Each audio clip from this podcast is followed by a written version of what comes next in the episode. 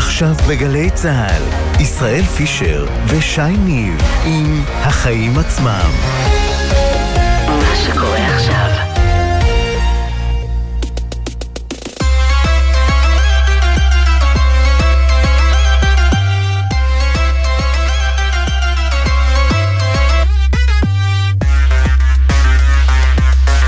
עכשיו שש וארבע דקות, אתם על החיים עצמם, התוכנית הכלכלית-חברתית של גלי צה"ל.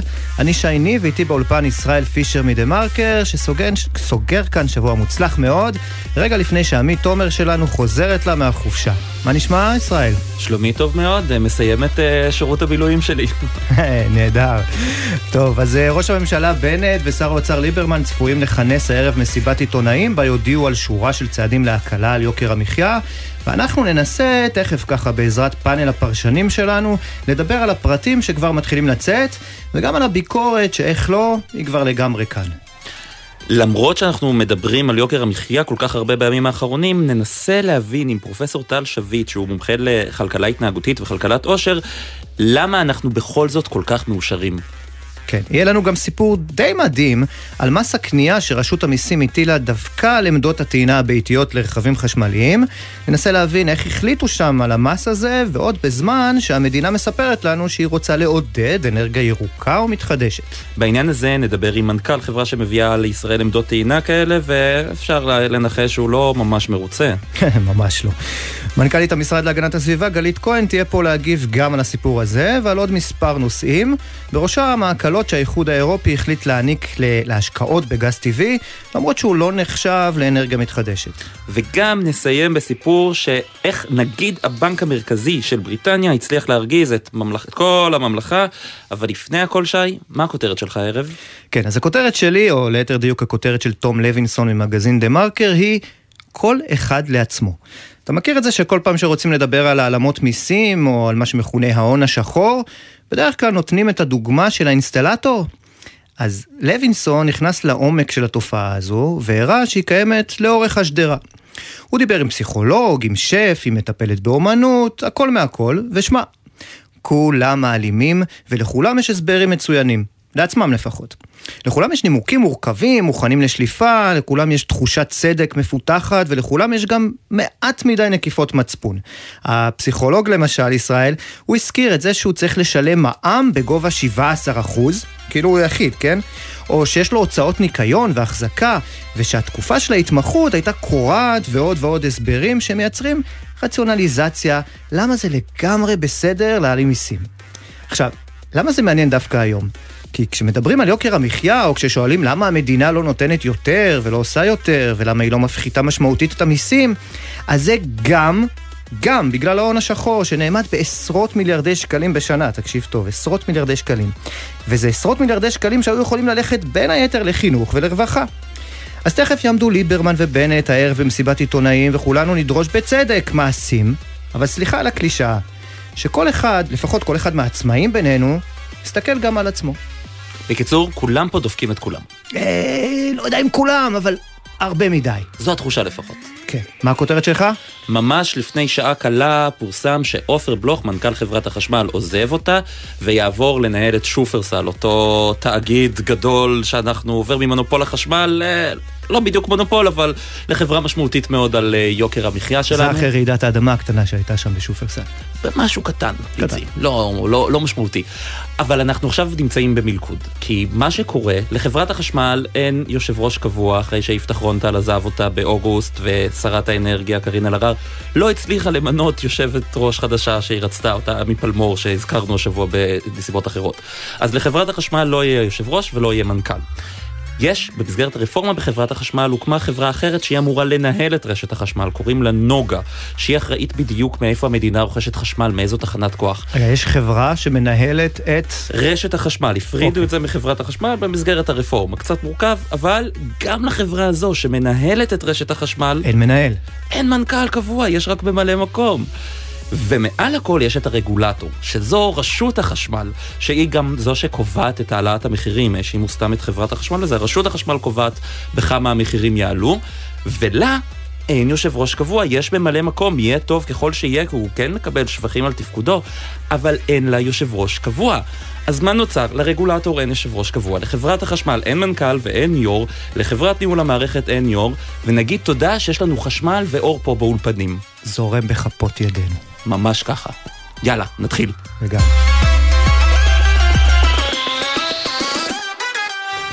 אוקיי, אז אנחנו שומעים ככה ששר האוצר ליברמן וראש הממשלה בנט צפויים אה, לכנס מסיבת עיתונאים, ואנחנו רוצים להתעדכן ממש עכשיו עם כתבת הצרכנות שלנו, עינב קרנר. מה את שומעת שם?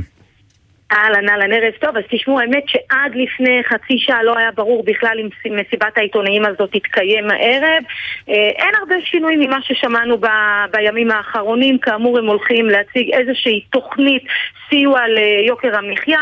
מה שהולך להיות זה הפחתת מכסים, זה בעצם האצת הרפורמה ביבוא ביטול מכסים, במיוחד על מוצרי מזון, בהם גם אה, דגים ובשר וגם על אה, רהיטים, הורדת מס הכנסה באמצעות נקודות זיכוי למשפחות עם ילדים וגם מתן מענקי מס הכנסה שלילי למי שהם בעלי משכורות נמוכות, הפחתת ההתייקרות גם של החשמל, כאמור, החשמל אמור להתייקר בשישה בשיעור של כמעט שישה אחוזים, הם יפחיתו את זה משלושה אחוזים, אבל עדיין אנחנו נשלם יותר על החשמל.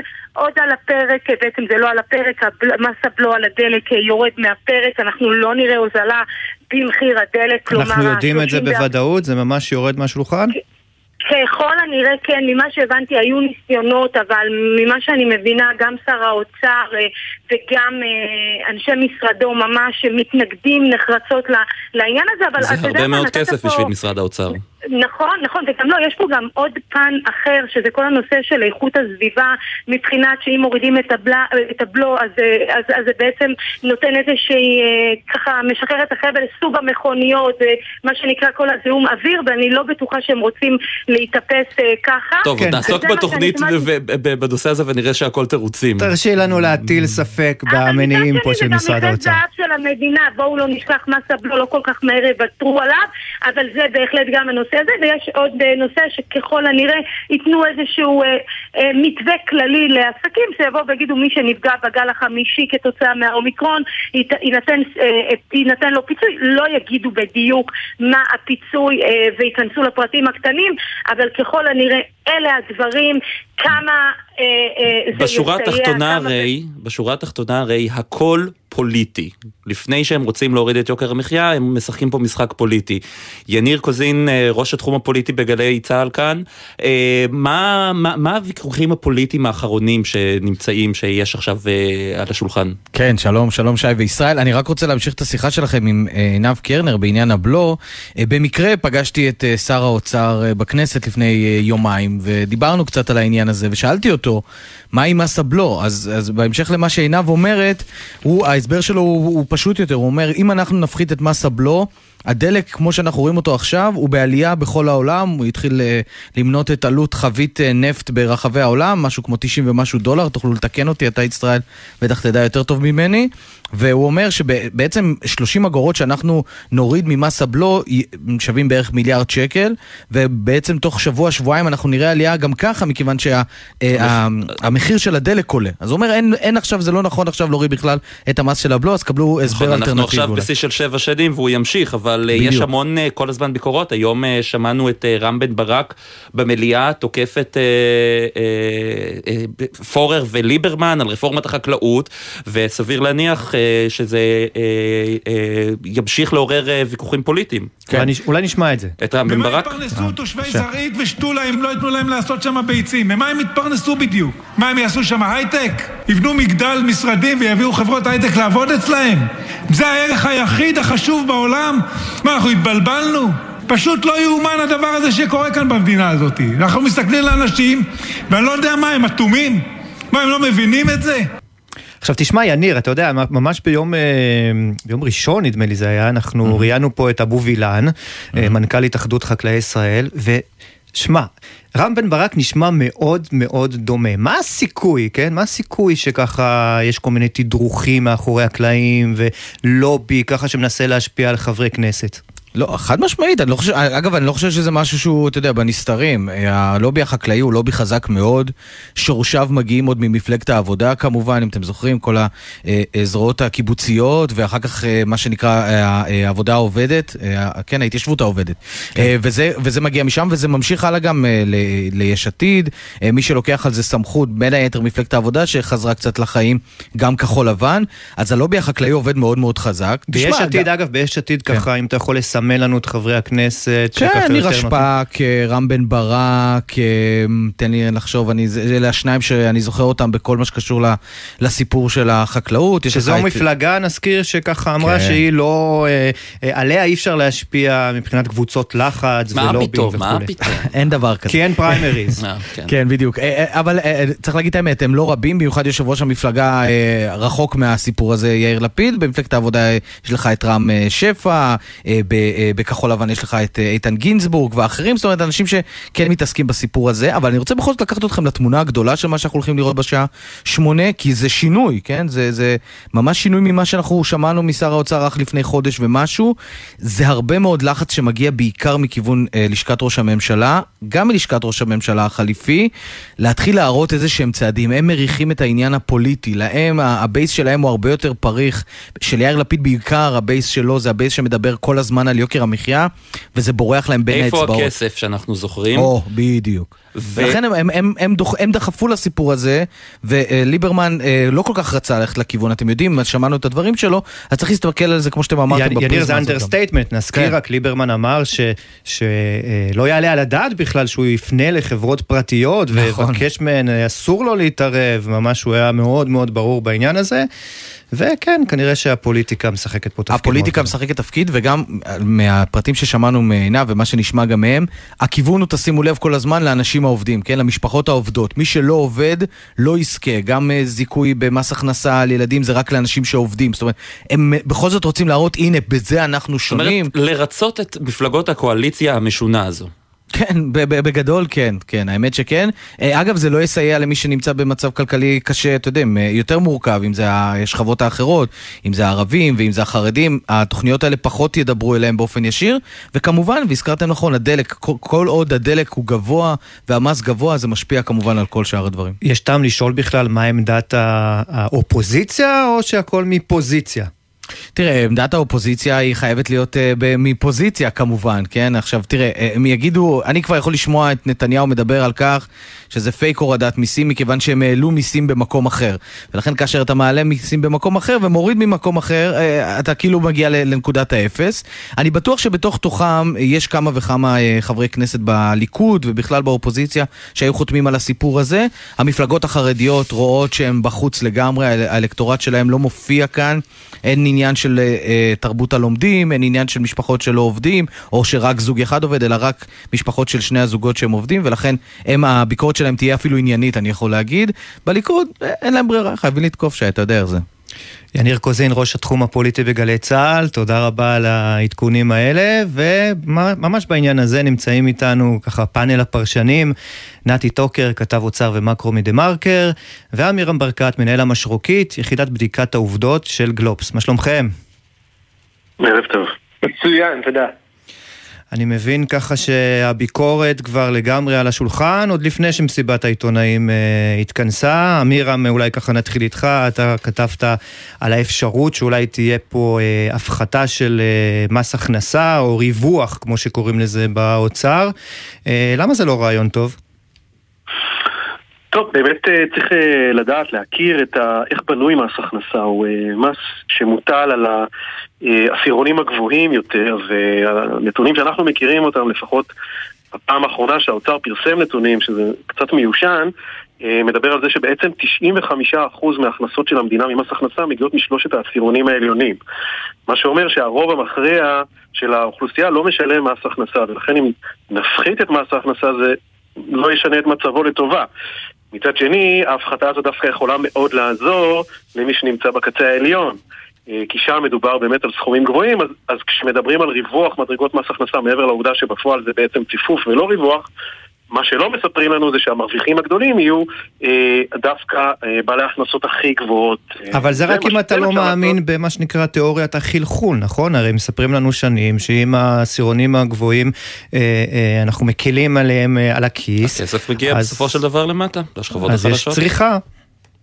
כן, נכון, האמת, תראו, חייבים לציין, אנחנו עשינו איזושהי בדיקה של האמירה של אה, אה, ליברמן לפני שהתחילה אה, כל ההיסטריה הנוכחית, שבא ואמר שעליות המחירים בישראל הן הכי קטנות בעולם. אה, אז פוליטית אני לא אתווכח על ההיגיון שמאחורי זה, מבחינה עובדתית, הוא צודק, אה, הוא די צודק, זאת אומרת אנחנו במקום הרביעי מהסוף בין המדינות המפותחות, אבל מצד שני גם צריכים לזכור שהשכר בישראל כמעט לא עלה. אפילו קצת ירד אם מסתכלים על הנתונים של הלשכה המרכזית לסטטיסטיקה. כלומר, כוח הקנייה שלנו. כוח הקנייה שלנו קטן יותר. נכון. אה, נתי, אה, מה אתה שומע שאומרים אה, בסביבתך, נגיד את זה ככה, על התוכנית הכלכלית המתגבשת? איזה ביקורת, אולי שבחים, לא יודע? תשמע, אז יש לנו את כל הסיבות בעולם להיות קצת מודאגים. רק עכשיו, לפני כמה חודשים, עבר תקציב המדינה לשנתיים, שנאמר, כולם שיבחו עליו את ההלל, אה, מלא רפורמות, עמוס ברפורמות להורדת יקר המחיה, והוא באמת היה כזה. אז מה קרה עכשיו? מה הלחץ עכשיו? באמת להתחיל אה, לבצע שינויים כאלו פתאומיים, דיונים, לילות לבנים במשרד האוצר, מה קרה? הלחץ הזה ש, שמשדרים אה, ראש הממשלה, ראש הממשלה החליפי, שר האוצר, הוא לא משהו בריא לתהליכי קבלת החלטות. לא ככה מבצעים רפורמות בצורה סדורה. ולטווח רחוק, והעובדה שאתה יודע, מכנסים מסיבת עיתונאים מעכשיו לעכשיו, קצת אה, אה, מעוררת, אה, מאפשרת לנו קצת לדאוג מה בדיוק קורה שם מאחורי הקלעים, והאם הם לא באמת מונעים מלחץ פוליטי. תראה, דיברתם על הרפורמה בחקלאות, העובדה שהם לא מצליחים להעביר אותה, זה אחת הרפורמות הדגל ש- ששולבו, או שהוצהרו לפחות, לפני, במהלך אישור התקציב. העובדה שהם לא מצליחים לגייס את הרוב לתמיכה במהלך כזה חשוב בקואליציה, מעידה שיש להם כשל באמת ביכולת להביא רפורמות כמו שצריך. אני, יש גם סוגיות שקשורות לרפורמות ביבוא, שהחרגות, שגם רשות התחרות אומרת שלא הצלחתם ליישם את זה בצורה מלאה. אבל אתה יודע, נתי, דברים- אולי, אולי אנחנו גם אה, ככה, אנחנו בתקשורת קצת אשמים, כי הרי תראה, אנחנו עכשיו מאשימים אותם, אולי בצדק, בזה שיש פה איזה פאניקה ובהלה, וזו לא מדיניות, כי הרי תראה, רק עבר תקציב, וחוק ההסדרים, וזה בדיוק מה שהממשלה צריכה לעשות, אבל מצד שני, אם הם לא היו עושים כלום, היינו אומרים, ואולי כבר אמרנו, אטימות. אז אה, אפשר אולי קצת להבין את מסיבת העיתונאים שמתכנסת לה ככה הערב, לא? אין ספק, אין ספק, ולכן באמת טוב שיבוצעו מהלכים, יש שורה של דברים של רפורמות שבאמת הוצגו, שבוצעו במהלך התקציב, ואולי יוצגו לקראת התקציב הבא. בישראל בסך הכל, אם בודקים את, ה- את עליית המחירים בישראל, האינפלציה בישראל היא נמוכה משמעותית לעומת העולם, השכר הממוצע בישראל עולה, נכון, לא בהתאם, בשכבות החלשות הוא לא, בעלי, המרוויחים בשכר נמוך, אה, אה, עולה פחות מאשר מגזר ההייטק שעולה יותר, אבל סך הכל אה, מצבנו בסדר. אה, אם באמת התקשורת גורמת לכזה לחץ אצל מקבלי ההחלטות, אולי משהו שם לא מתנהל בדיוק כמו שצריך. כן. אמירם, הזכרת קודם את מס הכנסה, אבל יש עוד מס משמעותי שנקרא אה, מע"מ, ואתה יודע, אנחנו רואים אה, באירופה למשל, שיש מע"מ דיפרנציאלי. כלומר, אה, על מוצרי מזון למשל, יש מע"מ אה, מופחת. כאן, אה, בארץ, זה ממש סדין אדום אה, מבחינת אה, משרד האוצר, נכון? כן, הגדרת את זה מצוין. אה, האוצר טוען שלמשל באנגליה אם אתה קונה חולצה אז אתה משלם אה, מע"מ מופחת אז האוצר אומר אם נעשה דבר כזה פתאום נגלה שחצי מהמוצרים שמוצרי ההלבשה יסווגו כחולצות זאת אומרת זה פותח פתח לכל מיני תכנוני מס האוצר נורא מפחד מהסיפור הזה זה ממש קו אדום מבחינתו זה ככה בראייה היסטורית אני לא יודע כרגע מה אבל בכל מה, מקרה אה, הורדה מה של מע"מ לא לא תמיד מתגלגלת, או בכלל נגיעה שלה זה גם במע"מ. נכון. בזמנו כחלון הוריד אה, אחוז אחד מהמע"מ, הוא הגדיר את המע"מ כמס, כמס הכי לא צודק שיש, הוא הוריד אחוז במע"מ, זה הוריד את הכנסות המדינה בהמון, כי כל אחוז במע"מ זה חמישה מיליארד שקל, והרווח הפוליטי שהוא קיבל היה מאוד נמוך, אנשים אמרו לא, לא ראינו מזה שום, שום הובלה בפועל. ולכן הוא לא המשיך בכלל להוריד את המע"מ, הוא לא נגע בזה יותר. מצד שני יש מיסים כמו הבלו, שהזכרתם אותו קודם, דווקא הבלו על הפחם, שהוא מס שהוא לחלוטין לא משנה התנהגות של אף אחד, כי הצרכן היחיד שלו זאת חברת החשמל, והיא לא מעניין אותה בכלל מה מחיר החשמל, כי הציבור מחזיר לה את המחיר הזה באמצעות התעריף. אין שום סיבה הגיונית לגבות את, ה, את הבלו הזה, אפשר להוריד את מחיר החשמל, ומחיר החשמל הוא משמעותי, כי הוא משתרשר לעוד המון דברים, אה, מוצרים שמייצרים, מפעלים שמשתמשים בחשמל. אגב, אם מציינים כבר את הבלו, צריך לזכור שב-2019 שר האוצר אה, כחלון הוריד, דחה את העלייה בבלו ל-2021, וזה בעצם חלק ממה שאנחנו משלמים עכשיו. זאת אומרת, אנחנו משלמים היום על הדחייה שכחלון עשה אז לפני הבחירות, כי הוא פחד שהחשמל יעלה אז ב-8% והוא רצה למתן את אה, העלייה בחשמל. אה, נתי, אה, בנק ישראל נמצא שותף בדיונים שאנחנו רואים במשרד האוצר, או שזה משחק פוליטי לחלוטין? אנחנו יודעים שהיו שיחות אה, מקדימות בין, בין שר האוצר וראש הממשלה לבין נגיד בנק ישראל, אבל uh, לא יותר מדי, כלומר הם לא ישבו, אה, לא נטלו חלק בדיונים האלה. אנחנו כן יודעים שבנק ישראל יש לו עמדה מגובשת מאוד לגבי הצעדים שצריך לבצע, לא צעדים ממוקדים שעוזרים לטווח קצר לקבוצות מסוימות, אלא באמת צעדים ארוכי טווח שמשנים התנהגות, למשל, במקום להוריד את הבלו על הדלק, אולי באמת לסבסד תחבורה ציבורית, וכך באמת בעצם להפחית את העומס בכבישים ולשפר עוד יותר את מצבו של האזרח הישראלי.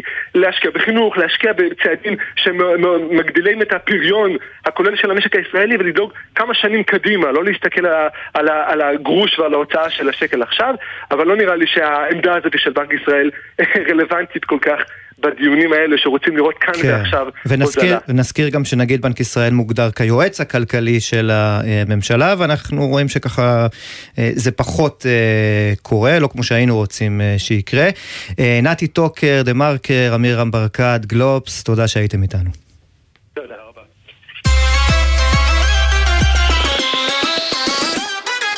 אנחנו מדברים כבר הרבה מאוד זמן על כל היוקר המחיה והתוכניות הכלכליות, אבל אולי בעצם הבעיה היא רק בנו, אולי בתקשורת, שאנחנו פשוט חמוצים, כי כל מדדי העושר מראים שאנחנו מאושרים, ונגיד בנושא הזה, ערב טוב לפרופסור טל שביט, מומחה לכלכלה התנהגותית וכלכלת עושר באוניברסיטת אריאל, ערב טוב. ערב טוב. אז אנחנו באמת כל כך מאושרים כמו שהדוחות האלה טוענים? קודם כל כן, אנחנו כבר אה, מודדים מ-2012 בעצם ברמה בינלאומית את העושר, וישראל ממוקמת במקום אה, ממש טוב, בשנה האחרונה היא מוקמה במקום ה-12 בעולם, מתוך כ-150 מדינות. וזה, אתה יודע, זה עקבי עם הזמן, וגם המדדים הפנימיים שעושים בלמ"ס מראים שאנחנו בסך הכל מדינה מאוד מאושרת. אה, אז התשובה היא כן, אנחנו עם, עם די מאושר, בטח יחסית לעולם. אולי זה, אתה יודע, קצת כמו שלימדו אותנו אה, בצבא, לא להתלונן אה, לאימא ולאבא בטלפון. אנחנו פשוט אה, לא אוהבים להוציא את זה החוצה ככה, את הדברים הרעים. לא, אז אני חושב שאתה יודע, קודם כל זה אפשר להגיד על כל העמים, לא רק עלינו, אבל אנחנו דווקא עם שדי מתלונן, ואוהב להתלונן, ורואים את זה גם ברשתות החברתיות וגם במקומות אחרים, להפך, אולי דווקא בגלל שאנחנו מתלוננים ומוציאים הכל החוצה, אנחנו יותר מאושרים מעמים אחרים שיותר מופנמים אולי ומשאירים את הכל בפנים. מעניין, מעניין, לבדוק, ה... מעניין לבדוק טוקבקיסטים אם ככה. כן, תראה עוד פעם, הסיבות לאושר, צריך להבין, האושר זה פסיפס מאוד גדול. זה לא ככה שניים שלושה גורמים שעושים אותנו מותר, זה באמת פסיפס ענק. יש הרבה מאוד גורמים שמשפיעים על האושר. חוקרים את זה כל כך הרבה שנים ומבינים שיש לנו כל כך הרבה לחקור בשביל להבין מה באמת עושה אותנו מאושרים ולהשלים את הפסיפה. כן, אבל הייתי מניח שדווקא יוקר מחיה, נושא כזה, הוא ישפיע באופן מהותי על אושר, לפחות אינסטינקטיבית.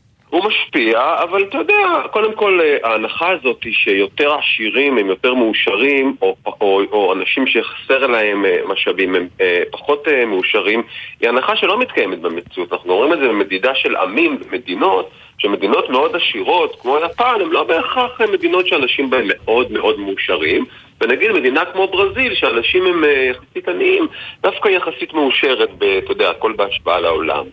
ואם אתה מסתכל על ישראל, אז אני יכול להגיד לך למשל שהחברה החרדית, שהיא חברה יחסית צנועה, היא דווקא החברה הכי מאושרת בישראל. אז הקשר הזה קיים, אבל הוא לא קשר של אחד לאחד. אגב, אפרופו החברה החרדית, זה נכון, כן. לנש... זה נכון לנשים ולגברים כאחד? שאתה רואה שם איזה... אני יכול להגיד לך באופן כללי, כן, שנשים קצת יותר מאושרות מגברים. באופן כללי. אני לא יודע אם יש מישהו שבדק בדיוק בחברה החרדית נשים מול גברים, אבל באופן כללי, גם בישראל וגם בעולם, נשים קצת יותר מאושרות מגברים, זה, זה מובהק, הן גם חיות אה, יותר מגברים בארבע שנים בממוצע. כן, אז יש גם איזשהו קשר גם לתוחלת החיים, אבל אה, אה, אם אנחנו מסתכלים בכלל על הנושא הזה של העושר ועל ישראל דווקא וגם על החברה החרדית, אז אם אתה מסתכל על מה הגורמים שנורא נורא משפיעים על העושר שלנו לעומת אחרים, אז אני יכול להגיד לך למשל שהנושא הזה של קהילה הוא מאוד מאוד חשוב. עד כמה היא קהילה חזקה, עד כמה הקהילה נותנת לי תחושת ביטחון. ואנחנו יודעים שבחברה החרדית למשל, הקהילה זה אלמנט מאוד מאוד חזק. אז אפשר להגיד שהחרדים מאושרים יותר לעומת חילונים? ואולי... כן, זה אנחנו יודעים, אגב, את זה אנחנו יודעים. גם יש אגב מדדים של ערים בישראל, הערים הגדולות בישראל. אתה יודע שנגיד בני ברק היא אחת הערים המאושרות בישראל. אנחנו יודעים שבני ברק עיר שיש בה אה, אה, רוב של חרדים. אבל אתה יודע, זה לא רק החרדים, זאת אומרת, אני מסתכל על ישראל באופן כללי, אז חוץ מזה שיש קהילה, אז אתה יודע, הרבה ישראלים גם חיים עם איזושהי משמעות. אנחנו חיים במדינה שיש משמעות לחיינו במדינה הזאת. אנחנו מדינה צעירה, אנחנו מדינה שחלק מהאזרחים בה עלו ממקומות אחרים, ויש איזו תפיסה כזו של החיים פה הם חיים עם משמעות, לעומת נגיד עמים אחרים. אז נכון שלכסף יש תפקיד, ואני לא מאלה שיגידו לך שהמחקרים אומרים שלא צריך כסף בלהיות מאושר, זה לא נכון. צריך כסף, כי כסף עוזר לנו למשל להיות בריאים יותר. אנשים, אנחנו יודעים מחקרים שאנשים שיש להם יותר כסף הם בריאים יותר, כי הם יכולים ללכת לשירות רפואי פרטי, הם יכולים לקצר תורים, התזונה שלהם תהיה בריאה יותר, הם יכולים להשקיע יותר בפנאי שלהם, אבל זה לא הכסף, זה מה אני עושה עם הכסף, וזה מה שחשוב. אתה יודע, לפני כמה ימים זכה מישהו בלוטו ב-80 מיליון שקל. זה לא אומר שבמאה אחוז הוא יהיה יותר מאושר. כל השאלה היא מה הוא יעשה עם הכסף ואיך הוא ימשיך לחיות את חייו. טוב, כבר אמרו חכמינו, הרבה נכסים, הרבה כן. דאגה. זה נכון, והם כנראה גם צדקו. אנחנו, אבל השאלה אנחנו מתקשים לקנא בבחור. אני יודע לנהל את הנכסים שלי, כי זה מה שחשוב. אתה יודע, ב... באמת בימים הראשונים של הקורונה, כבר שנתיים. אנחנו, כל אחד ככה זוכר אה, כל מיני רגעים אה, של אושר. אני זוכר את עצמי עם, כן. הבנות, פתאום כן. עושים כן. קליפים ביחד ומנגנים כן. ביחד, והשכן נכון. מטפס על החומה עם הגיטרה נכון. וכל מיני נכון. דברים כאלה. טוב, נדמה שזה קצת השתנה, לכולנו כבר נמאס, נכון? יכול להיות שלצורך העניין בדוח הבא, בדוח הבא אנחנו אולי נראה סימנים קצת אחרים. יכול להיות, אבל אני רוצה להגיד לך שאנחנו עשינו מחקר על ישראל ממש שהתחילה הקורונה, ממש ממש בגל הראשון, עם הסגר הראשון. אני מוכרח להגיד לך שרמת העושר לא ירדה. לא ירדה. נכון שהיה שינוי ברגשות השליליים והחיוביים, אבל זה כבר, אתה יודע, זה כבר סיפור אחר. אבל רמת העושר לא ירדה, ובאמת אחרי תקופה מסוימת התפרסם דוח העושר הבינלאומי שעסק בשנת הקורונה ב-2020, והוא הראה שבסך הכל העושר בעולם לא ירד. וגם, וישראל אפילו עלתה ממקום ה-14 למקום ה-12. עכשיו אם אתה שואל למה, אז ההסבר הוא מאוד פשוט, כמו שאתה אומר. נכון שמצד אחד היו קצת חרדות כלכליות ואפילו חרדות בריאותיות, אבל מצד שני אנשים פתאום גילו שיש להם ילדים בבית ומשפחה ופנאי ולא יושב להם בוס על הראש ואין התעמרות בעבודה. אנשים גילו את הזום. זה לא היה נורא. כן. ולא היה פקקים, אתה יודע, כל הדברים האלה ביחד, בסופו של דבר התקזזו עם החרדות על הדברים האחרים, והנה ורמת העושר דווקא לא ירדה. אני לא יודע להגיד לך מה יהיה בדוח הבא, והוא די קרוב, זה ב-20 למרץ, זה יום העושר הבינלאומי, ואז נדע בדיוק מה קרה. אז בוא נקבע. אה, תראה, אה, בשמחה, בשמחה גדולה. נתכנס כאן שוב, פרופסור אה, טל שביט, מומחה לכלכלה התנהגותית וכלכלת עושר מאוניברסיטת אריאל. תודה רבה לך. להתראות, ערב טוב.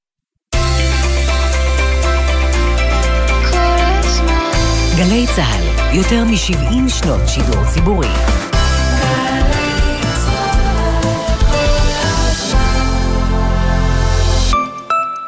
שכירים, עצמאים, בעלי עסק, הכירו את חבילת הצעדים של משרד האוצר שתסייע לכם בגל החמישי. החבילה כוללת מימון ימי בידוד לשכירים ולעצמאים, הקלות במועדי התשלום והדיווח לרשות המיסים, קרן הלוואות בערבות המדינה ממשיכה לפעול בתנאים משופרים, ונוסף על כך סיוע לענפי התיירות והתרבות. מידע ועוד פרטים באתר משרד האוצר. זה שווה לכם. בעל מקצוע מורשה, לקוח הזמין אותך לעבודה? מעולה. לפני שאתה מתחיל לעבוד, חובתך להציג את הרישיון שלך. היום זה דיגיטלי, לא עוד תעודות נייר. בכל רגע תוכל להציג את רישיונך בטלפון החכם. לצפייה בתעודה דיגיטלית במהירות ובקלות, תיכנס לאזור האישי, באתר gov.il. ואתם הלקוחות, דרשו לראות רישיון דיגיטלי בטלפון החכם, וודאו שהזמנתם בעל מקצוע מורשה.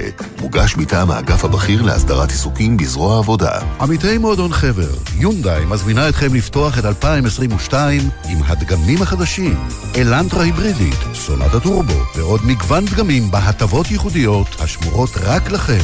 המבצע בתוקף עד 18 בפברואר. לפרטים, כוכבית 8241, או באתר מועדון חבר. זה הכל בשבילך, חבר. נוסעות ונוסעי רכבת, שימו לב, במסגרת תחזוקת המסילות, מיום רביעי, 9 בפברואר 2022, מהשעה 10 בערב, ובמהלך כל יום חמישי, יחולו שינויים נרחבים בקטע המסילה שבין תל אביב ההגנה עד להרצליה. לפני נסיעתכם, כדאי להתעדכן באתר, ביישומון או במספר כוכבית 5770. לשירותכם יופעלו שירותי היסעים בלי תשלום. תודה על הסבלנות. משרד התחבורה ורכבת ישראל. 70 שנה למנוחת אליזבת השנייה בבריטניה. דניאל זילברשטיין בתוכנית מיוחדת על המשמעות ועל הנחיצות של בית המלוכה, השערוריות הגדולות והשאלה שמטרידה את ארמון בקינגהם. מה יקרה ביום שלאחר כהונתה? מחר, שתיים בצהריים, גלי צה"ל. עכשיו בגלי צה"ל, ישראל פישר ושי ניב עם החיים עצמם. טוב, עכשיו אה, סיפור מוזר. אתה יודע, בפתח התוכנית כתבתנו אה, לענייני אה, צרכנות אה, הזכירה ככה שבאוצר שוקלים אה, לא אה, אה, להפחית את המחיר של הדלק בגלל שזה מזהם. זה יעודד נסיעה במכוניות מזהמות, אבל יש פתרון לזה היום, כן, לא? כן, כי המדינה הרי רוצה לעודד את כולנו לעבור לרכבים חשמליים בטח, אתה אומר, לא? זה הגיוני, כל העולם, לאפס פליטות, לשמור על הסביבה, כן, ברור. אז, אז היגיון אה, לא פה, כן. והסיפור אה, הוא כזה, אתה יודע, במקרה, להנאתי, ככה צפיתי במליאת הכנסת בשבוע שעבר, יש לי מין תחביב, תחביב כזה, לי- תחביב כן. מוזר. וחבר הכנסת יריב אה, לוין אה, ככה מעלה שאילתה, הוא שואל את השר במשרד האוצר אה, חמד עמאר, הוא שואל אה, אה, מדוע מדינת אה, ישראל הטיל, האוצר הטיל אה, אה, מס קנייה מיוחד על עמדות טעינה ביתיות מסוג AC, אם זה אומר לך משהו, עמדות טעינה לרכב חשמלי. כן, AC זה בעצם זרם חליפי, כן. זה העמדות האיטיות. הטילה מס בגובה של כ-20 אחוזים. עכשיו לי זה היה נשמע אה, אה, די טירוף, אה, ובמשרד, ה- והשר במשרד האוצר אה, אמר, והקריא אפילו מהדף, שבעצם אה, המדיניות היא להטיל אה, מס אה, אה, על כל אה, אה, חלקי חילוף. כמו שהם מטילים אה, אה, מס על אה, חלקים אה, במנוע לצורך העניין, שהם מתוצרת חוץ ולא מתוצרת מקומית. אגב, אין פה כמעט אבל מה תוצרת ההיגיון מקומית. אם מצהירים מעל כל עץ רענן? אנחנו מקדמים מכוניות חשמליות ומתהדרים בנתונים. הנה, בשנה שעברה המכירות זינקו לעשרת אלפים כלי רכב. אז זהו, תכף, יודע, נגיע בסוף גם למה אומרים ברשות המיסים, אבל, אבל הם, הם אפילו לא מתיימרים אה, אה, להשמיע פה איזשהו היגיון מהבחינה הזאת, הם רק אומרים שבמובן הטכני, כמו שמטילים מס על אביזרים לרכב, מטילים גם על עמדת טעינה. ואני שאלתי, רגע, למה זה בכלל נחשב לאביזר לרכב? הרי עמדת הטעינה, אם כבר אנחנו צריכים להשוות למשהו, אנחנו נשווה למשאבת תדלוק. בשירות עצמי? כי, בדיוק, כי החלפנו בעצם את אה, משאבת הדלק בעמדת טעינה. נראה לי מגניב לקנות משאבת ו- תדלוק לחצר הבית. אז בדקתי, אין על זה מס. ממש אה. חיפשתי לקנות, כן כן, עשיתי קצת שיעורי בית, ניסיתי לקנות אה, אה, עמדה כזו של אה, אה, תדלוק. יש כאלה עמדות אה, ניידות, אין על זה מס קנייה מיוחד. ואתה יודע, אמרתי, גם ביררתי עם אה, רשות המיסים, אה, מה לגבי נגיד קומפרסור שמנפח את הצמיגים, זה הדבר הכי קרוב זה ש... בטח, נו, זה אתה זה יודע, זה מין משהו כזה, זה ואתה לא מחבר, זה לא כן, אביזר, זה לא- כן. אין מס. אין מס קנייה על קומפרסור, הם אישרו לי את זה, הם שלחו לי את המקט אפילו, אין דבר כזה. ואנחנו עכשיו שואלים, איך, במיוחד כשמדברים על יוקר המחיה ועל אה, לעודד ו- ועל אנרגיה מתחדשת, איך הדבר הזה מוטל בכלל על האזרחים. ובואו נזכיר גם רכבים חשמליים, זה לא רק איזה כל מיני רכבי אה, יוקרה, מה שהיו עד לפני כמה שנים. זה עכשיו מכוניות הסיניות ששוטפות את ישראל, סיניות, ויונדאי וקיה שמשווקות דברים משפחתיות, חדשים וכולי. ואנחנו ממש בעניין הזה רוצים להגיד שלום לשרגא כץ, שהוא מנכ"ל EV Edge. הוא אה, מייבא והחברה הזאת מתקינה את אותן אה, עמדות אה, טעינה ביתיות. שלום מר כץ. ערב טוב חברים, מה שלומכם? בסדר גמור, אז תספר לנו קצת מתי גילית על המס הזה בכלל.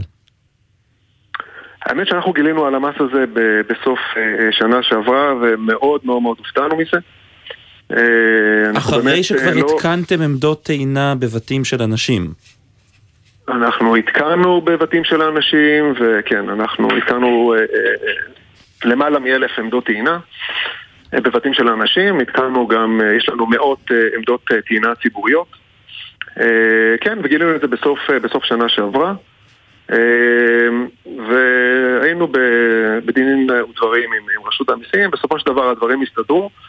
אה, אבל כן, נדרשנו לשלם אה, מס של 20% על אותן אה, עמדות טעינה שנמצאות אצלנו במלאי. אגב, כשאתה אומר הדברים הסתדרו, הכוונה היא שזה, אתה לפחות מאמין שזה לא יחול עליך רטרואקטיבית על אותם אלף עמדות שכבר התקנתם, אלא רק מעכשיו והלאה, נכון? ככה, ככה אנחנו מבינים את זה. כי אני לא... אגב עשיתי את השיחות שלי עם רשות המיסים, וצר לי לבשר לך, מבחינתם, לפחות על הנייר, זה כן אמור לחול רטרואקטיבית. אוקיי, אז אנחנו נתמודד עם זה כש, כשנפגוש את זה, אני עדיין לא מכיר את זה. בוא רק תן לנו רק להבין, לסבר את האוזן של המאזינים, כמה עולה עמדת טעינה ביתית כזו, וכמה היא תעלה לצרכן? כי אני מניח, תקן אותי אם אני טועה, זה יגולגל על הצרכן בסוף המס הזה, נכון? בסופו של דבר, אה, כן, אלא אם כן רשות המיסים אה, תצליח להתעשת ולבטל את המס המיותר הזה. עמדת טעינה ממוצעת בסיסית עולה כ-3,500 שקל, אה, וזו רק העמדה, גם ההתקנה עוד עולה, אבל זה, נשים את זה בצד. אה, 20% על 3,500 זה 700 שקלים, כן. שזה זה, כבר- זה מה שזה אומר. שזה כבר תוספת משמעותית אה, לעלות העמדה וההתקנה שלה, וזה אפשר להגיד שזה יכול אה, להיות חלק מהשיקול אם לקנות מכונית חשמלית או לא. אה, אתה, אנחנו באמת רואים בשנה האחרונה זינוק. ברכישת אה, מכוניות חשמליות, ולהערכתך זה באמת משהו שיכול להשפיע? אני בוודאי חושב שזה יכול להשפיע, לעזור זה בוודאי לא יעזור, אה, זה בוודאי אה, יקשה. מדובר בסך הכל בשוק שוק שהוא מאוד מאוד צומח, או לפחות יש לו אספירציה של צמיחה, הוא נראה צומח. בשנה שעברה עלו על הכביש למעלה מ-10,000 כלי חשמליים. יש ביקוש מאוד מאוד גדול לכלי חשמליים. השנה, אם הכל ילך כשורה ולא יהיו בעיות של אספקה עולמית, אז יהיו, יעלו עוד 30 אלף כלי רכב חשמליים אה, בישראל. אה, יתרה מזאת, בשנה האחרונה גם החלו לעלות על הכביש אה, כלי רכב עממיים, שהציבור יכול לעשות, זה לא רק כלי רכב יוקרה וטסלות שעולים למעלה מ-200 אלף שקלים, אלא כלי רכב שגם באמת... אלה בדיוק כלי הרכב של אנשים שעומדים לרכוש אותם או שוקלים אם לרכוש אותם, יכניסו לחישוב שלהם גם את עלות עמדת הטעינה. אני משער שבן אדם שהוא קונה רכב עממי הוא בוודאי אה, מחושב, ואני חושב שכולנו מחושבים. אף אחד מאיתנו לא רוצה להוציא כסף שהוא אה, לא צריך להוציא. אני חושב, יתרה מזאת, התחבורה החשמלית מגיעה מהמקומות הכי נכונים של הקטנת אה, פליטה של גזי חממה אה, והקטנה של מזהמים לאוויר והקטנה של זיהום האוויר. ומדינת ישראל הייתה רק לאחרונה בכנס של, באותו כינוס עולמי, קידום האקלים והקיימות. ו- ונראה שהפעילות הזאת של רשות המיסים בהעלאת אותו מס אה, על עמדות אה, הטעינה הביתיות, אגב עמדות הטעינה הביתיות או ה-AC אה, כמו שזה נקרא, 70% מהטעינה נעשית בבתים. גם התעריף בבית הוא הזול ביותר, זאת אומרת זה מאוד מאוד מתאים דווקא לבן אדם, לבן אדם העממי, לבן אדם... חוזר הביתה מיום עבודה, מחבר את האוטו כן. לחשמל. זהו, שבוא נכון, נדגיש רק את העניין הזה. שעה. בוא נדגיש רק, ה- המס מוטל באמת על עמדות אה, ביתיות, ולא על עמדות טעינה מהירות, שהן ככה מפוזרות בכל מיני אה, מקומות. דווקא על העמדה נכון. הביתית, שזה עוד יותר מגדיל את. העיוות. אה, לגמרי, כי הכי משתלם זה לטעון בבית. לטעון בבית בתעריף זול, תעריף משתלם, זה גם מעודד אה, אה, אה, נסיעה אה, אה, אה, נקייה אה, אה, ו- ועממית. עכשיו, יש פה- אתה אומר כן. לבן אדם, כן. לא, לא, אני אומר, יש פה איזה סיפור אה, אה, מוזר בתוך הסיפור המוזר הגדול, וזה איך בכלל החליטו ברשות המיסים להטיל את המס הזה, כי הרי לא היו מימים אה, ימים העמדות אה, טעינה, זה היה צריך, אה, מה שנקרא, לסווג, חדש, כן. למצוא איזה אני ככה... חושב שזה לא ממש... כן, אני חושב שזה לא ממש ברור, אני חושב שזה נראה כאילו שמישהו אה, קם שם יום אחד בבוקר והחליט שהוא רוצה להגדיר סיווג אה, לדברים האלה. אני חושב, אגב, לא קיים היום סיווג ב- בסיווג הפריטים ברשות המיסים בישראל, אה, עמדת טעינה לא AC ולא אחרת, והשתמשו בסיווגים אחרים. אה, שהסיווג הוא, בוא, בוא נגיד רק, זה נקרא בקר חשמלי, נכון? כן, זה מערכות פיקוד חשמליות, יש כאלה שקוראים לזה בשפת העם בקר, כן, זה מערכות פיקוד חשמלי או חלוקת חשמל, יש לזה איזשהו קוד סיווג מסוים, ועליו חל אותם, אה, ועל, ועל סוג הפריט הזה חל אותה 20% אה, מס קנייה. כאשר אגב רק היום שלח אה, חבר הכנסת אה, אה, יוראי להב הרצנו מכתב למנהל רשות המיסים, למר ערן יעקב, שבו הוא אה, מבקש ממנו להגדיר אה, באמת אה, סיווג פריט אה, ייעודי לעמדות אה, טעינה AC. ושאותו סיווג פריט יהיה פטור אה, ממס, כל כך נכון. חד משמעית. אה, בואו ככה בואו נגיד נשמע מה אמרה רשות המיסים אה, כשביקשתם ממנה תגובה. בדיוק, אז אה, הם אומרים לנו כך, עמדות טעינה מסוג AC, ביתיות, כן, נחשבות לאביזרים לרכב, ולכן חייבות במס קנייה. אגב, נחשבות לאביזרים ברכב, בסדר, הטלנו על זה איזשהו ספק. יש לציין כי מס הקנייה, בפרט המכס בו מסווגות עמדות אלו, אינו חדש, ולכן לא מדובר בהטלת מס חדש על היבואנים או היצרנים המקומיים. מה אתה אומר על זה ככה לסיום? המס הזה לא מוטל על היצרנים המקומיים. תראה, אנחנו, קודם כל אנחנו יבואן. לא, הם אומרים אה, שזה אה, לא, לא מס חדש שמוטל עליכם. אה, כמו שאמרתי, אני חושב שהדבר הזה אה, פרץ אה, לשוק בסדר גודל של נובמבר שנה שעברה, והוא בוודאי אה, הפתיע את כל השוק, אה, והוא בוודאי אה, ישפיע על איך אה, ייראו המחירים של אה, עמדות הקנייה, עמדות הטעינה בשנה הקרובה. כן. בוודאי. טוב, אנחנו הולכים לעקוב אחרי העניין הזה זה חשוב. ככה די צמוד, ו... ואנחנו אפילו ככה נוודא שהמס הזה הולך אה, להתבטל. אני אפילו שומע, אגב, בתוך, אה, בתוך משרד האוצר, כל מיני גורמים שכבר מדברים על זה שהמס הזה באמת צריך אה, לחלוף אה, אה, מהעולם במהירות שהוא אה, הגיע. שרגא כץ, תודה רבה שהיית איתנו. תודה לכם, ערב טוב, ביי. איתנו על קו הטלפון נמצאת גם אה, גלית כהן, מנכ"לית המשרד להגנת הסביבה. יש כל כך הרבה נושאים שאנחנו רוצים להספיק לדבר איתה עליהם, נראה אם אה, נספיק, אבל קודם כל אני רוצה לשאול אותך, גלית, ערב טוב. אה, את שמעת, טוב. את שמעת את אה, זנב הדברים של שרגא כץ לגבי עמדות הטעינה והמיסים עליהן? כן, אני חייבת לומר שאני לא מכירה את המס החדש הזה שהטילו על עמודי טעינה.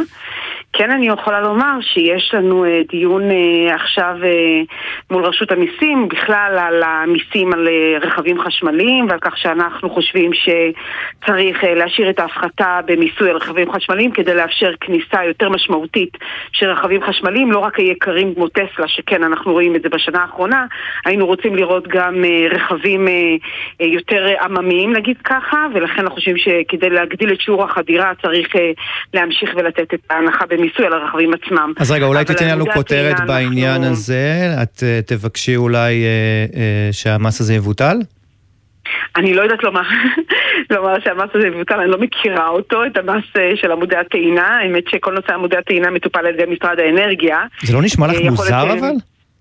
סליחה, אה, נשמע, אני לא אגיד נשמע מוזר, אני, אני אומר שכמדינה, כממשלה, הנושא של אה, כניסה של רכבים חשמליים וחלק מהסיפור של זה זה היכולת להטעין, בוודאי בבתים ולא רק אה, עמודי הטעינה החיצוניים אה, ובמקומות עבודה, קודם כל בבתים, הוא חלק מאוד מאוד משמעותי ביכולת שלנו לעמוד ביעדי הפחתת הפליטות של מדינת ישראל. הסקטור הבא שצריך לעשות קפיצת מדרגה, עשינו חלק משמעותי מאוד עם תחנות הכוח וייצור האנרגיה לחשמל, אבל הקפיצה המדרגה, המדרגה הבאה חייבת להגיע מסקטור התחבורה. רגע, אתה- ובלי כניסה מסיבית משמעותית של אה, חשמול של התחבורה, גם הפרטית אבל אה, כמובן הציבורית, אה, לא נוכל להגיע ליעדים. הזכרת עכשיו את סקטור החשמל.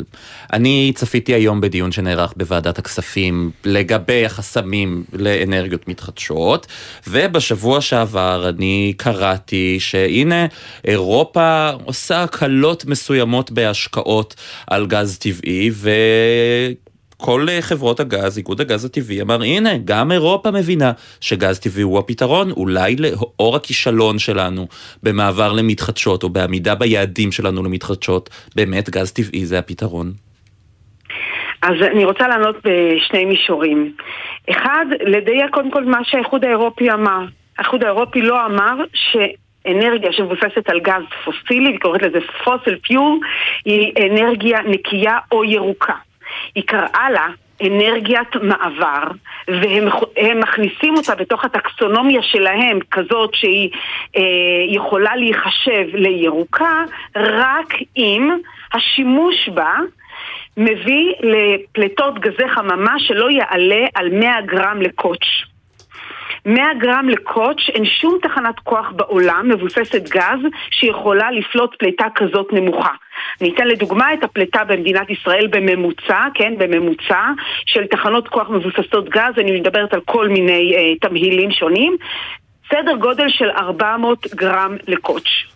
זאת אומרת, כאשר האיחוד האירופי בא ונתן את המספר הזה, ויש להם עוד כל מיני אה, דיוקים במה זה אומר של להשתמש בגז. אבל אנחנו עדיין לא מצליחים מעבר. לעמוד ביעדי המתחדשות שלנו, ואנחנו צריכים ביטחון, לא האוכלוסייה שאנחנו... כאן צומחת, אה, צריך עוד חשמל בשנים הבאות. בהחלט נכון. זה לא אומר שאנחנו לא צריכים לעשות את הכל כדי לעמוד ביעדים. בוודאי, אם אנחנו לא נהיה נחושים ונפעל להסרת כל החסמים ונבנה את רשת החלוקה שלנו וההולכה שלנו כך שהיא תהיה מותאמת לאנרגיה מתחדשת, בוודאי שלא נגיע ליעדים. זאת אומרת, אי אפשר, אנחנו צריכים להבין את זה. ככל שאנחנו נמשיך ונקדם, אנחנו זה מדינת ישראל, כן? לא המשרד להגנת הסביבה שמתנגד לזה כמובן. ככל שמדינת ישראל תמשיך ותקדם תחנות כוח ותאשר עוד ועוד ועוד תחנות כוח מבוססות גז, אין שום סיכוי בעולם לאנרגיה הסולארית במדינת ישראל. אין לה שום סיכוי בעולם. אני רוצה לשאול אותך... ולכן אנחנו חושבים... כן, אני רוצה לשאול אותך רגע על אה, אה, נושא קצת אחר, כי באמת הנושא של החשמל והגז לא נצליח באמת אה, להעלות את אה, יעדי האנרגיות המתחדשות שלנו כאן בתוכנית, לצערי הרב, אבל אני רוצה לספר אה, על סיפור אחר שנמצא גם בתחום אחריות משרדך. השבוע, בתחילת השבוע, אה, הייתי בסופר השכונתי שלי פה בתל אביב, וניגש מישהו עם שקית ניילון רגילה, לא גדולה במיוחד, ביקש להחזיר חמישה בקבוקי משקה גדולים, רק נזכיר שב-1 בדצמבר הורחב חוק הפיקדון גם למכלי משקה גדולים, זאת אומרת בקבוקים משפחתיים, 1.5 אה, של ליטר וחצי, וגם עליהם ניתן להחזיר אותם ולקבל עליהם 30 אגורות. בא אליו המוכר, אפילו גיחך עליו, צחק עליו, שאל אותו, אמר, נראה לך שיש לי זמן לזה בכלל? והוא פשוט חזר הביתה, בוש ונכלם, ואני די בטוח שהוא זרק את הבקבוקים האלה לפח, והוא לא יחזור למחזר אותם יותר. עצוב. אני אה, רוצה אה, אה, לקרוא לכל הציבור כן למצות את הזכות הצרכנית שלהם וכן ללכת ולהחזיר בבתי העסק את הבקבוקים המסומנים ולקבל ולדרוש לקבל עליהם את החזר הפיקדון. בראש ובראשונה כי הם רוצים להיות אזרחים אחראיים שרוצים להביא למחזור באיכות גבוהה. מה אתם עושים כדי לאכוף את החוק הזה? עכשיו, אנחנו עושים תהליכי אכיפה מאוד משמעותיים. אה, קודם כל פתחנו גם אה, אה, מוקד, מוקד פיקדון יחד עם המועצה לצרכנות שבה אפשר לדווח. במקרים כאלה היית פשוט פונה אליו ואומר לו תתקשר לטלפון 03-51-00-190 תפנה אליהם וקודם כל תדווח. תדווח שלא קיבלו ממך. אנחנו באותו רגע מתחילים לעשות אכיפה. אחרי פעמיים מאותו מקום מתחילים לעשות את האכיפה. על כל אחד כמובן פונים כבר מהמועצה לצרכנות. אנחנו כמשרד, אגב קיבלנו 1,176 פניות מאז הראשון לדצמבר על, על כאלה שלא קיבלו את הבקבוקים שלהם, זה דבר שאנחנו מכירים אותו. מה, עונש קנסות? יש קנסות, אבל יש הרבה, גם בשלב מסוים אנחנו נתחיל גם אכיפה פלילית אם אנחנו נראה שיש דברים שחוזרים על עצמם. יש קנסות. זהו, סיימתם להיות נחמדים, היו חודשיים שבהם הייתם נחמדים ועכשיו סיימתם עם זה. נכון. זהו, אנחנו לא נחמדים. אגב, לא היינו נחמדים כלפי הדבר הזה מהפעם הראשונה. החודשיים שנתנו זה רק לאותם יצרנים ש... כבר הכינו את הבקבוקים, ייצרו אותם, ונמצאים כבר בתוך רשתות השיווק, אבל הם עדיין לא הספיקו למכור את הכל, ולא רצינו לראות אה, בקבוקים ו- ושתייה ככה שהיא טובה, שניתן לשתות אותה, אה, נשלחת אה, אל האשפה, שגם זה לא טוב מבחינתנו, נתנו להם את אותה, את אותה תקופת הסתגלות. אבל חשוב מאוד להבין, אנחנו לא אה, חושבים שגם רש... מבחינתנו, גם בתי העסק לא התכוננו כמו שצריך. מבחינתנו הדבר הנכון ביותר והפשוט ביותר זה שיהיו בכל בתי העסק שמוכרים את הבקבוקים, ו... כמו שדואגים שיהיה לנו כיף ונוח לקנות, ככה כיף ונוח להחזיר לא, באמצעות והם באמת לא דאגו, ורשתות השיווק לא באמת לא דאגו לקנות את נכון, זה. נכון, הם חשבו שאולי יגיע, תגיע שרה אחרת לכאן, אולי תשנה את החלטתה של השרה הקודמת. תמסמס את הרפורמה. אה, בדיוק, גלית כהן. הרפורמה הזאת אה, מוסמסה איזה עשר שנים. גלית כהן, מנכ"לית המשרד להגנת הסביבה, אנחנו נאלצים לסיים. תודה רבה. תודה לכם, ערב טוב. ערב טוב.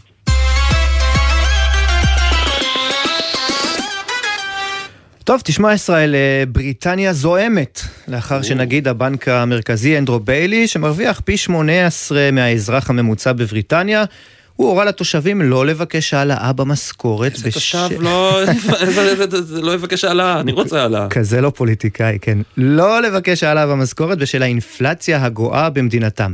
אה, גל אשד, כתבת החוץ שלנו, נמצאת איתנו ממש כאן באולפן, והיא תספר לנו על הסיפור היפה הזה.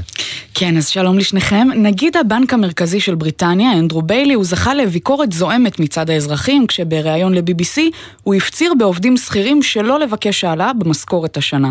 האינפלציה הגואה בבריטניה עומדת היום על חמישה אחוזים וארבע עשיריות האחוז, שיא של שלושת העשורים האחרונים. לדברי ביילי, כדי להילחם בה, על המעסיקים להימנע מלתת לעובדיהם העלאה מופרזת בשכר, ועל העובדים לא ללחוץ על המעסיקים לעשות את זה.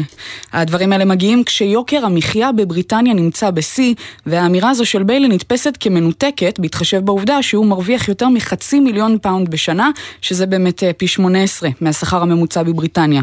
כמה זה יוצא בשקלים ככה בחודש? הרבה, המון. כן, יפה. אני לא סגורה על השער של המטח, אבל ממש ממש הרבה.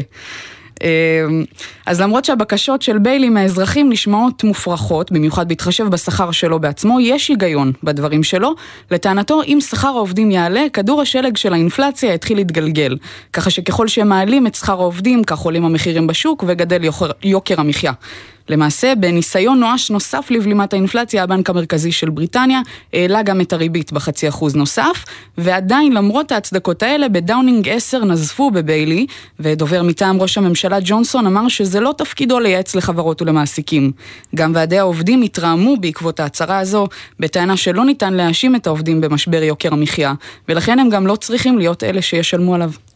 גל אשד, כתבת חדשות החוץ, תודה רבה לך על זה, ואתה יודע מה למדתי? שיוקר המחיה, הצרה הזו שאנחנו מדברים, מתעסקים בה כל כך הרבה, היא מכה בכל מיני מקומות אחרים בעולם ולא רק בנו. כן, כן. אני חשבתי שלמדת לא לשאול כמה זה בשקלים.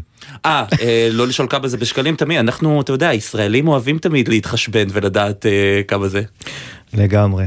טוב, ישראל אה, פישר, נעמת לי מאוד היה, מאוד. כן, אנחנו, זהו, מסכמים שבוע. אתה ב... גם ערכת את התוכנית השבוע, צריך לומר, אה, בהצלחה רבה. ביום ראשון תחזור לכאן אה, עמית תומר, שחוזרת מהחופשה שלה. שגרמה לנו לקנא עם התמונות שלה, כן, כן, מהחופשה. אנחנו נאמר תודה אה, לכל מי שהיה איתנו כאן, למפיקים, נמרוד קהלני, יפעת גלר, עשאל פלד ותומר ברקאי. על הביצוע הטכני היה אורי ריב, ובדיגיטל דניאל הראל, ואתה תהיה פה גם בשבוע הבא, אני חוזר אה, אה, לעבודתי, אה, להתראות. ביי ביי.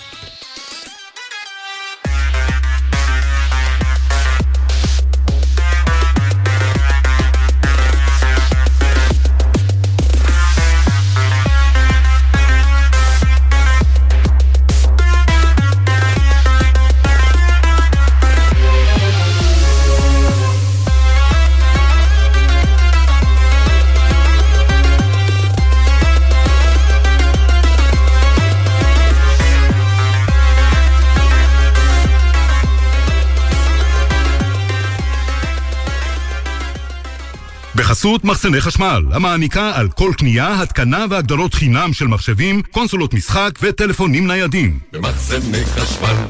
בחסות אייס, המציעה מגוון מוצרי חימום לבית ולגינה מבית אלקטרו חנן. קונים ב-300 שקלים ומשלמים 250 באתר ובסניפי אייס. כי בית חם מתחיל מחימום.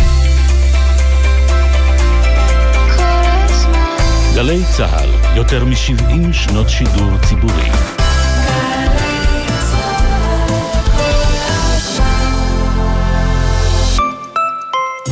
סליחה, יש לכם רגע? זה מציל חיים. בעת רעידת אדמה, כל רגע מציל חיים. לכן, חשוב שתכירו את ההתראה החדשה מפני רעידת אדמה. ההתראה החדשה מאפשרת לכם לדעת מה קורה רגע אחד לפני הרעידה, כדי שתספיקו להגיע למקום בטוח. ההתראה תתקבל בצופרים וביישומון פיקוד העורף. הורידו עכשיו את יישומון פיקוד העורף והתעדכנו בכל המידע וההנחיות שבפורטל החירום הלאומי. וכך, בעת רעידת אדמה, תדעו כיצד לפעול. מגישים פיקוד העורף ורשות החירום הלאומית. אמא, אבא, הורים לפעוטות? זה הזמן להירשם בקליק אחד למעונות היום המסובסדים על ידי זרוע העבודה. גם השנה אנו ממשיכים לייעל למענכם ההורים את תהליך הרישום, והוא מקוון, פשוט ויעיל. בלי לצאת מהבית, בלי לבזבז זמן. פשוט נכנסים לאתר ורושמים את הקטנטנים למסגרות המסובסדות שלנו באופן מקוון ונגיש. חפשו ברשת רישום למעונות היום המסובסדים. מהרו והבטיחו לילדיכם מקום בקליק. ההרשמה תסתיים ב-24 בפברואר. מגישה זרוע העבודה. גם ברחוב הזה שאתה נוהג בו עכשיו, האזרחית הוותיקה ליד מעבר החצייה עלולה לטעות ולחצות בלי להסתכל. עשרה כמה שפחות זה פי שניים סיכוי לחיות. בייחוד בתוך העיר, סעו לאט יותר. לא מתים מזה, כי כולנו יחד מחויבים לאנשים שבדרך. לפרטים נוספים חפשו אסקרלבד. בוקר טוב דוריה למפל. בוקר טוב אודי סגל. איזה כיף שהגעת. ברגע שאתה ספק במשרד הביטחון, אתה יכול גם לעשות תוכניות רדיו וגם למכור טילים. העולם פתוח בפניי. עסקת הנשק שלי תחתם אחר הצהריים. רק לא למדינות עוינות. למדינות מתקדמות, ליברליות. לפחות כמונו. דוריה למפל ואודי סגל, כל חמישי, תשע בבוקר, גלי צה"ל. מיד אחרי החדשות, נורית קנדי.